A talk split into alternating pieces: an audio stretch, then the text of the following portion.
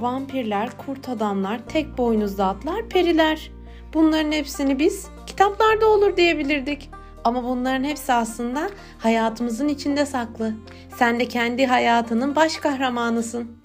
Beraber bu hayatında nelerin gizlendiğini, doğru baktığında neleri görebileceğini inceleyelim. Bu podcast bunun için burada. Hadi gel dinleyelim.